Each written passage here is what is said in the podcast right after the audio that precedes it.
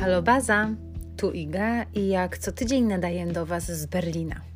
Zazwyczaj nagrywam te odcinki w czwartki o 7 rano, niestety na ostatni moment, ale dzisiaj to już w ogóle poszłam po całości, bo mamy czwartek, jest grubo po 17, a ja nagrywam dopiero teraz. Miałam ambitne plany, żeby zrobić to wcześniej. Wstałam nawet przed siódmą, ale sąsiad zaplanował sobie niestety na dzisiaj e, wiercenie w ścianach, więc było to po prostu niemożliwe. Tak na dzień dobry, to chciałabym znowu podziękować Wam za wszystkie pozytywne i motywujące słowa i Wasze wiadomości dotyczące podcastu oraz za kilka recenzji na Apple Podcasts. Będzie mi bardzo miło, jeśli właśnie słuchacie mnie przez Apple Podcast czy iTunes, jeśli zostawicie krótką opinię o podcaście i dacie mu kilka, oczywiście najlepiej pięć gwiazdek. Dzisiaj pozostaniemy w temacie zakupów. Może niektórzy z Was mają mnie już za zakupocholiczkę, bo to trzeci odcinek poświęcony podobnym tematom, ale tym razem będzie trochę inaczej. Luksusowo, z masą informacji, ciekawostek, trochę o historii i o przeszłości, trochę wręcz legendarnie. Zabieram Was na wycieczkę do KDW.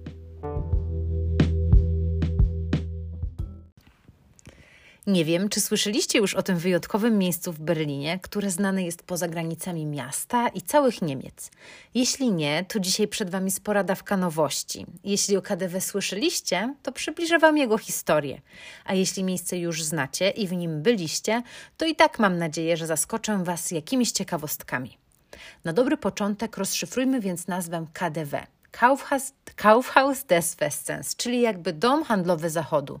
Dzisiaj będzie dużo nazw własnych w wielu językach, więc z góry uprzedzam Was, że czasami może mi się trochę zakręcić język. E, zawsze zwracam uwagę na poprawną wymowę, ale mieszając polski z angielskim, niemieckim, w którym nie jestem mistrzem i wcale nie znam dobrze niemieckiego, e, czasami po prostu język mi się plącze. Wracając do tematu, KDW to jeden z najstarszych i największych domów towarowych, najbardziej takich kultowych domów towarowych w całej Europie. Zajmuje powierzchnię 60 tysięcy metrów kwadratowych i ma aż 7 pięter. Budynek robi wrażenie zarówno z zewnątrz, jak i wewnątrz i wpisuje się w historię, styl i architekturę zachodniego Berlina. Obok bramy brandenburskiej, Aleksanderplatz, Wyspy Muzeów, Muru Berlińskiego jest również jednym z najchętniej odwiedzonych przez turystów miejsc w Berlinie. Ale nie tylko przez turystów. Tu na zakupy i na szampana, to raczej przed pandemią, przychodziły też tłumy Berlińczyków. Spotkałam się z informacją, że dziennie KDW odwiedzane było przed pandemią przez ponad 50 tysięcy osób i byłam w szoku, jak wiele. A potem natknęłam się na inną informację, że tych osób było aż 180 tysięcy. Nie mam potrzeby weryfikacji teraz dokładnych danych, ale myślę, że e, obie liczby oddają fakt, że w KDW spotykają się tłumy. Teraz jest zdecydowanie spokojniej. I to w ogóle dopiero od jakichś dwóch tygodni, bo wcześniej dom towarowy był po prostu zamknięty. Ja w KDW byłam już kilka razy, ale w sobotę zrobiłam sobie wycieczkę znowu, na spokojnie, tak żeby poukładać sobie w głowie to, co chcę Wam powiedzieć w podcaście, żeby obejrzeć witryny sklepowe, a zarazem wystawę, ale o tym za chwilę. Przyznam, że ten dom towarowy za każdym razem robi na mnie wrażenie, a przecież żyjemy w wielkim mieście. Sporo podróżowałam i podróżuję i robiłam zakupy naprawdę w wielu miejscach. W sobotę byłam w KDW godzinę. Tyle czasu można zarezerwować teraz na wizytę w sklepie w ramach usługi Click and Meet, czyli związanej z restrykcjami i koronawirusem opcji zakupowej. Niczego konkretnego nie szukałam, a tym bardziej odpuściłam sekcję ubrań i nie przeglądałam tego, co na wieszakach, a i tak ledwo starczyło czasu, żeby KDW obejść. Można by pomyśleć, E tam, co to takiego? W świecie pełnym centrów handlowych, galerii handlowych, budowanych od kilkunastu lat na całym świecie. Dla mnie jednak dom towarowy i galeria handlowa to dwie zupełnie inne rzeczy. To inny i wyjątkowy klimat. Pamiętam z dzieciństwa dom towarowy w Bydgoszczy. Mały był, nazywał się Jedynak. Na kilku piętrach można było kupić prawie wszystko, co wtedy moja siedmioletnia głowa mogła sobie wyobrazić. Ale rok po roku kolejne piętra likwidowano, bo wraz z pojawieniem się centrów handlowych dom towarowy tracił klientów. I tak piętro po piętrze, aż do całkowitego zamknięcia. W końcu parter przejął, z tego co pamiętam, Empik, a na ostatnim piętrze pojawił się klub, w którym imprezowali wszyscy licealiści w mieście. Na szczęście taki los nie spotkał wszystkich domów towarowych i ta niemiecka perełka całkiem dobrze się trzyma. Ale po kolei zacznijmy od historii KDW, bo i ona jest bardzo ciekawa.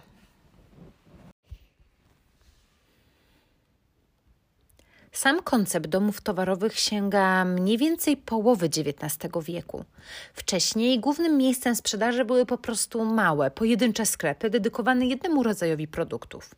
Pierwsze domy towarowe powstały we Francji i w Wielkiej Brytanii i w Stanach Zjednoczonych. W Wielkiej Brytanii poza połączeniem w jedno tych małych sklepików w domach towarowych można było skorzystać z usług fryzjera. W USA już w XIX wieku wprowadzono udogodnienia takie jak na przykład windy czy telefony. A w Niemczech koncept domów towarowych nie przyjął się tak szybko. Może to wynika z zachowawczości Niemców? Nie wiem. Znalazłam informację, że pierwsze próby stworzenia takich biznesów skończyły się plajtą. A potem w 1907 roku powstało KDW. Za Kaufhaus, Kaufhaus des Westens stoi osoba Adolfa Jandorfa, berlińskiego biznesmena, handlowca żydowskiego pochodzenia. Miał on już wtedy na swoim koncie kilka na pierwszy rzut oka podobnych inwestycji, również handlowych, ale chciał, żeby KDW było inne, wyjątkowe i trafiało do zamożniejszych klientów. Na pewno sprzyjała temu lokalizacja na styku dwóch dzielnic Schöneberg i Charlottenburg, przy najbardziej znanych handlowych ulicach w Berlinie i przepięknym budynku przy przepięknej stacji metra Wittenbergplatz, o której opowiadałam w piątym odcinku podcastu. Dodam tylko, że obie dzielnice oficjalnie nie należały wtedy do Berlina, bo zostały przyłączone do miasta w 1920 roku. Ale no kursowało już metro, które łączyło je z oficjalnym miastem i w sumie teraz stanowią częściowo centrum Berlina. To bez szczegółów, bo o dzielnicach opowiem więcej w którymś z kolejnych odcinków. Za projekt KDW odpowiada niemiecki architekt, architekt Johann Emil Schaut. Ma on na swoim koncie jeszcze kilka niemieckich centrów handlowych, słynny pomnik Bismarcka w Hamburgu, stację metra, ale to KDW przyniosło mu największą sławę. Drzwi luksusowego KDW otworzyły się dla klientów 27 marca w 1907 roku. Za dwa dni mamy więc 114 urodziny tego domu towarowego. Chyba dobrze policzyłam. Od początku miejsce przyciągało zamożnych klientów i śmietankę towarzyską Berlina. Bywała tu słynna aktorka Marlene Dietrich i nawet opisywała KDW w swoich pamiętnikach jako jeden z cudów Berlina.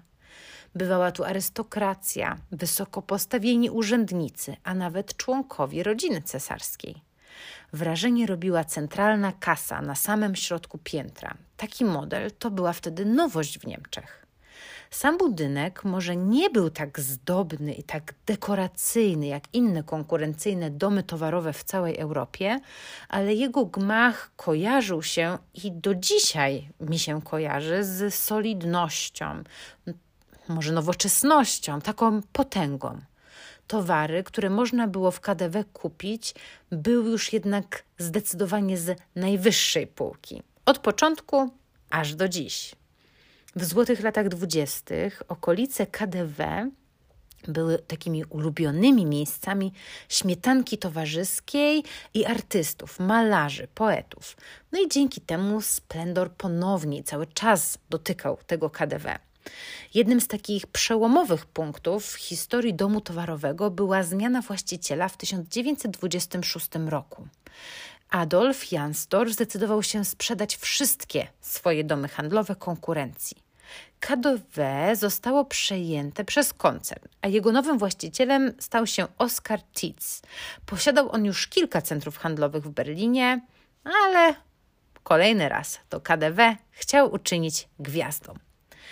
Aby powiększyć powierzchnię handlową, zatrudnił ponownie tego samego architekta, Szauta, który zaprojektował pierwszy gmach KDW.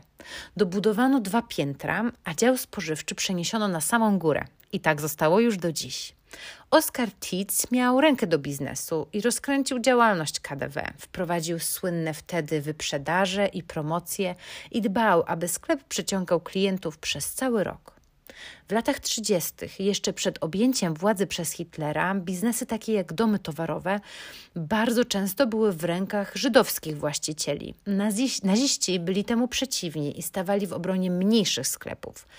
Mm, na KDW jednak to nie wpłynęło i udało się utrzymać y, domowi towarowemu świetność przez cały czas, aż do nadejścia II wojny światowej. Mm, bo po prostu wtedy cała gospodarka uległa zmianie. W roku 1943 podczas jednego z nalotów na KDW spadł samolot, co spowodowało, pożar i zniszczenia ogromnej części budynku. Dom towarowy rozpoczął swoją działalność ponownie w roku 1950, ale tylko na dwóch piętrach. Sukcesywnie dobudowywano kolejne i dziś mamy ich aż siedem. KDW był jednym z symboli świetności, ekspansji i siły zachodniego Berlina, jednak to po zburzeniu muru berlińskiego przeżył największe oblężenie osób, które chciały zasmakować zachodniego, bogatszego świata. W 1996 roku dokończono przebudowy z zewnątrz, a te wewnątrz to dzieją się na bieżąco, wraz ze zmianami koncepcji domu towarowego, dodatkowych klatek schodowych czy schodów ruchomych po prostu przybywa. Przejdźmy do głównego punktu dzisiejszego odcinka, czyli takiego jakby audiospaceru po piętrach KDW. Opowiem Wam o tym, co tu kupicie, co obejrzycie i co mnie zaskoczyło. Może uda mi się wprowadzić w ten, Was w ten świat luksusu? Wejść do KDW jest kilka, te główne, największe pod szyldem KDW zaprasza szczególnie. Teraz oczywiście wszystko jest specjalnie zorganizowane, trzeba się rejestrować i liczba osób w domu towarowym jest ograniczona. Parter, bo od tego oczywiście zaczniemy, zarezerwowany jest dla marek ekskluzywnych oraz dla sekcji beauty – Wczoraj przeczytałam, że część powierzchni nazywana jest aleją luksusową. Wydzielone są na niej jakby małe butiki, takie oszklone salony najsłynniejszych projektantów czy najbardziej luksusowych marek z odzieżą, obuwiem, akcesoriami czy biżuterią. Gucci, Prada, Burberry, Fendi, Cartier, Rolex czy Tiffany – Rozkosz dla odbiorców żądnych wyszukanych towarów najlepszej jakości i symboli luksusu. A propos Tiffany, marki biżuterii, która słynie przede wszystkim z pierścionków zaręczynowych, już nie jeden raz czytałam na jakimś polskim blogu, czy widziałam na YouTubie, czy na Instagramie wpis o tym, że jakaś dziewczyna, influencerka dostała zaręczynowy pierścionek właśnie od Tiffany'ego i chłopak pojechał po niego aż do Berlina, do KDW. To tak w ramach ciekawostki. W roku 2014 w tej sekcji KDW, właśnie w sekcji marek luksusowych, miał miejsce atak zamaskowanych przestępców, którzy wtargnęli do domu towarowego rano w godzinach pracy centrum. Zaatakowali sprzedawców i klientów gazem pieprzowym i obrabowali sklepy z biżuterią na jakąś ogromną sumę, ogromną wartość. Już teraz nie pamiętam tej liczby, ale naprawdę robiła wrażenie. Parter to też sekcja beauty, czyli stanowiska, a raczej takie sektory marek kosmetycznych, wystrojone w stylu estetyce każdej marki, z osobną obsługą i doradcami. Różnica między nimi tutaj, a sklepami w galerii handlowej jest taka, że przestrzeń jest otwarta. Nie musimy płacić u każdego sprzedawcy osobno. Sporo tutaj marek z najwyższej półki, ale dorwałam olejek z The Ordinary, który często bardzo ciężko zamówić online. The Ordinary to znana ostatnio marka kosmetyczna, która na pewno nie należy do luksusowych, bo jej produkty kosztują około 7 euro. Pierwsze piętro należy do mody męskiej, ubrania od tych eleganckich przez sportowe do casualowych, obuwie, akcesoria i galanteria. Marki głównie premium, wysokiej jakości, wyspecjalizowane w konkretnych produktach. Obsługa to niezwykli sprzedawcy, to raczej tacy profesjonalni doradcy. Drugie piętro to moda dla kobiet. Również bardzo szeroki asortyment i wybór różnych marek, w większości takich z, ze zdecydowanie wyższej półki. Cały czas powierzchnia podzielona jest na sektory. Niby otwarta przestrzeń, bez ścian, bez drzwi, ale kolekcje różnych marek wyeksponowane są w takich sektorach, częściach, nad którymi wiszą dumnie logotypy brandów czy nazwiska projektantów. Od Maje, Sandro, Marni, Jill Sander, Nanuszki, przez Eskadę do polskiej marki streetwear Misbehave oraz innych mniej znanych, ale wyspecjalizowanych w konkretnych produktach marek. Gama towarów w dziale mody damskiej jest tak szeroka, że obuwie, bielizna, kolekcje sportowe i akcesoria przeniesione zostały na piętro trzecie. Znajdziecie tutaj szpilki jak z wybiegów, od najsłynniejszych projektantów obuwia, ale też zwykłe adidasy, adidasa czy trampki. Na trzecim piętrze mamy też modę dziecięcą. Czwarte piętro należy do akcesoriów domowych, do dekoracji, zabawek, książek, walizek yy, i technologii. I tutaj też jest outlet. Co przykuło moją uwagę? Kilka miesięcy temu super sektor z rzeczami dla fanów Harry'ego Pottera, czyli dla mnie. Cały ogrom zabawek, różdżki, pucle, szaty, figurki, książki, naczynia z harem i różne inne bardzo potrzebne dodatki. Aktualnie ta strefa jest trochę w remoncie i przeniesiono ją gdzieś w kąt. Może dlatego, żeby za dużo mugoli się wokół niej nie kręciło? Nie wiem. Kupicie tutaj też najlepszej generacji, podobno, bo się nie znam, słuchawki, odkurzacze i inne sprzęty, sprzęty Dysona, designerskie lampy, ozdoby do domu. Mój wzrok przyciągnęły figurki królików w różnych rozmiarach, które można było kupić, aczkolwiek były one też elementem dekoracji i wystawy przy torebkach i butach piętro niżej. To projekt autorstwa Stefano Giovannoniego. Słynny królik, który może być krzesełkiem, lampą albo w mniejszym rozmiarze stoperem do drzwi. Jeżeli zobaczylibyście ten design, to na pewno byście go skojarzyli, nawet jeśli nie kojarzycie projektanta z nazwiska, bo ja też wcześniej nie kojarzyłam. Moja pierwsza myśl połączyła te króliki, oczywiście z innymi, ale jednak królikami, symbolem Starego Browaru, kultowego centrum handlowego w Poznaniu, które właśnie przed Wielkanocą promuje się figurkami królików Starego Browaru w różnych kolorach, ale to taka dygresja. Jeśli będziecie kiedyś urządzać kuchnię marzeń i będziecie mieć nieograniczony budżet, a szukać będziecie najbardziej designerskich produktów, urządzeń, naczyń, sprzętów kuchennych – zapraszam na piętro piąte. Ja na wzornictwie oraz na designie produktów się nie znam, ale rzeczywiście wybór jest imponujący. Sporo tutaj takich bardziej tradycyjnych lub kultowych marek, synonimów jakości i luksusu. Na przykład charakterystyczne duże młynki do pieprzu czy do soli od Peugeot, garnki Fislera, wszystkie sprzęty kuchenne od Alessi i te sprawy. Na piątym piętrze można też zapakować rzeczy kupione na prezent i skorzystać z innych usług serwisowych oferowanych przez KDW. Największe wrażenie robi na większości osób, na mnie na pewno, piętro szóste. Niestety teraz, w czasie lockdownu, pozbawiony jest odrobinę splendoru, ale nadal nie wiadomo, w którą stronę patrzeć. Nie przychodźcie tu na głodniaka.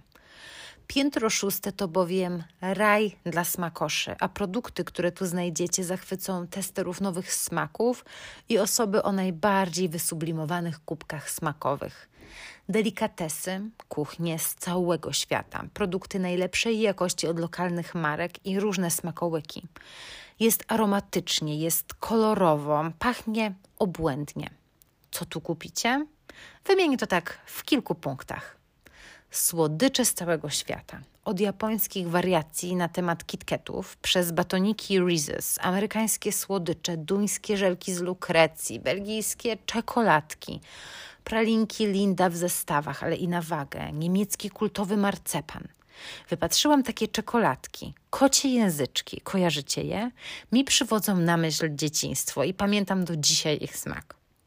W sekcji słodycze znajdziecie nie tylko pakowane słodkości, ale także pralinki na sztuki, na przykład luksusowej marki z tradycjami Savade, o której opowiadałam w odcinku podcastu o słodyczach, oraz Ochte, czyli berlińskiej marki marcepanowych pralinek z dzielnicy Neukölln.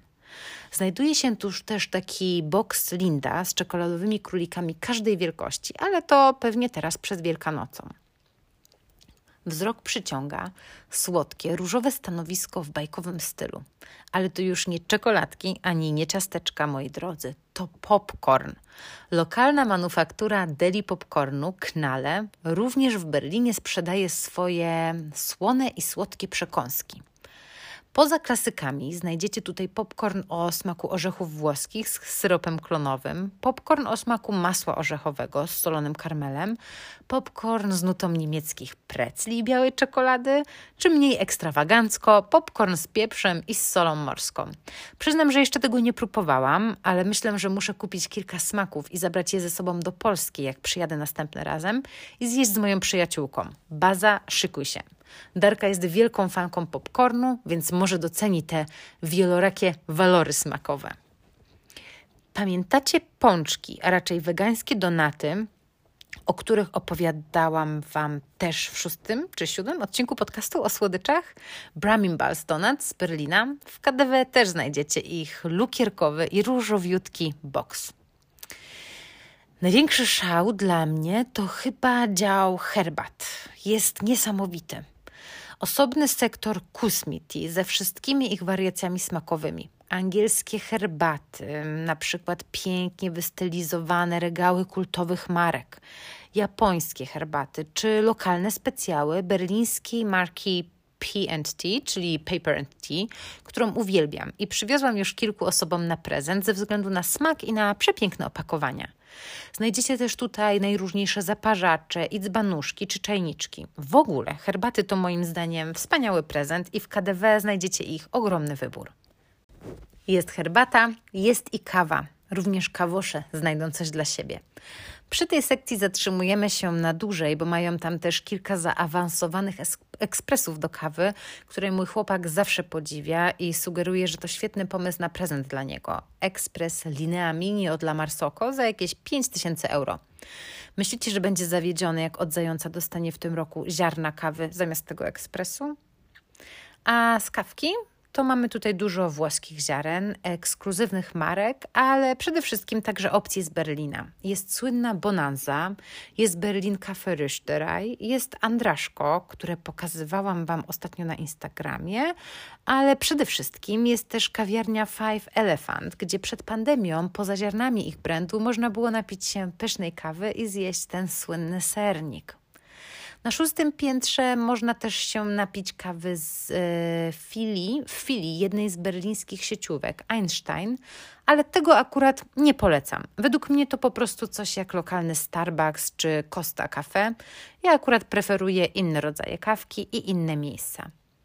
Na szóstym piętrze mamy też piekarnię i cukiernię z francuskimi bagietkami, najróżniejszymi rodzajami chleba, bułeczek i drożdżóweczek.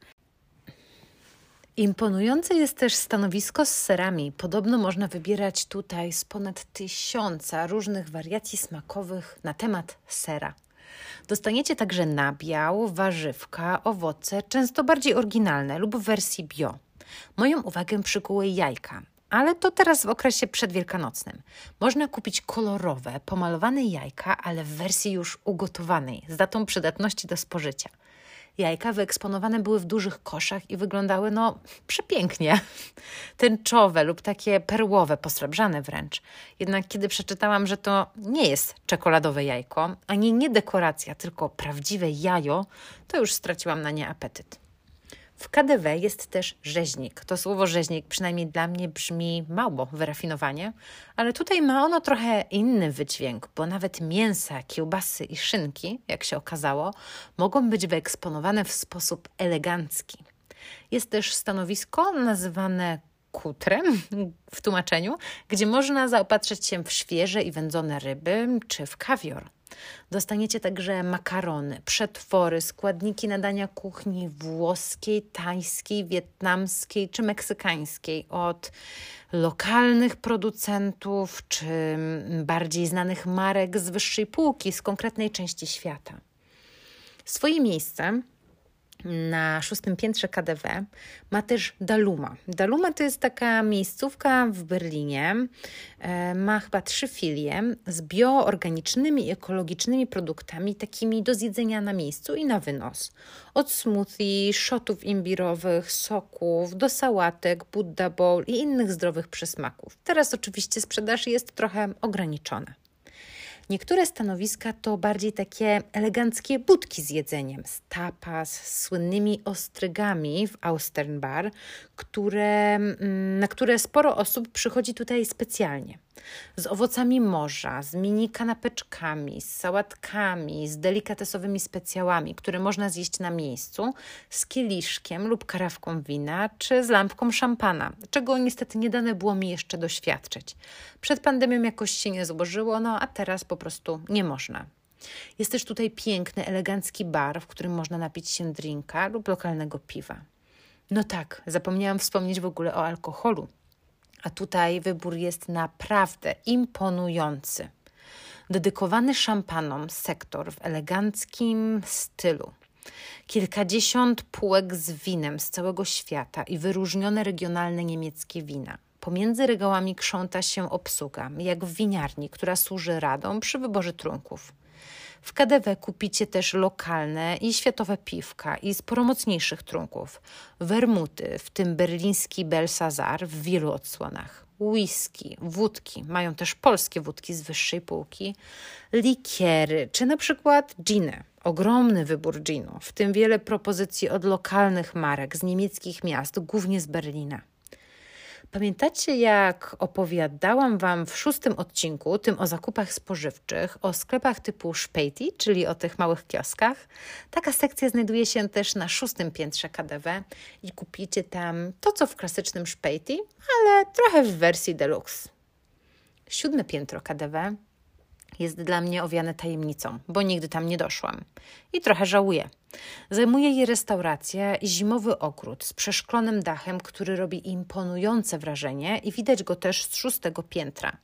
Teraz po prostu nie można tam wejść, ale jak tylko będzie, to ponownie, jak tylko podobnie będzie to możliwe, to wybiorę się i podzielę się z Wami moimi wrażeniami pozycje z menu oraz e, z, e, samoobsługowych bufetów i najróżniejsze trunki, w tym słynne w Berlinie kwaskowate piwo Berliner Weisse z sokiem lub bez, czyli w mojej ulubionej wersji i niestandardowo piękne wnętrza. No to brzmi po prostu cudnie i nie mogę się doczekać.